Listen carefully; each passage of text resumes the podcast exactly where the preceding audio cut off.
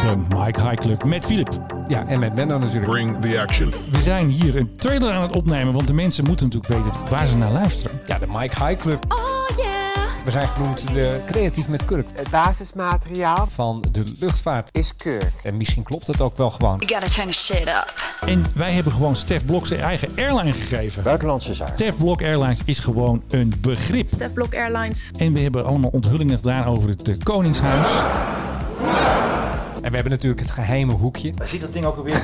Super geheim, maar ik heb hem gevonden. En toen hebben we bekendgemaakt dat er geheime geldvliegtuigen zijn op Eindhoven Airport van DHL. We hebben natuurlijk Anouk.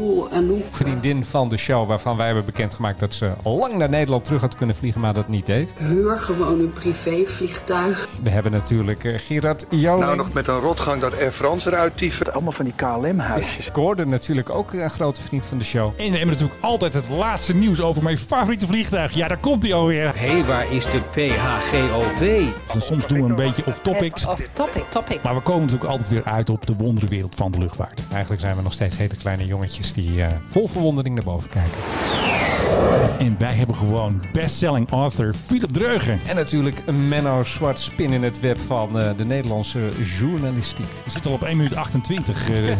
Dat is veel te lang. nou, dat moet even korter. Dus, eh, dat gaan we even knippen. dus allemaal luisteren naar de Mike High Club Doen hoor. Luchtvaart Podcast. Zelfs als luchtvaartje geen ene malle moer interesseert. Want wij maken het leuk. Wij maken het altijd weer spannend. Je moet gewoon luisteren. Ja, doe nou maar gewoon. Omdat we het verdienen. Ja. Mag ik nou het laatste woord?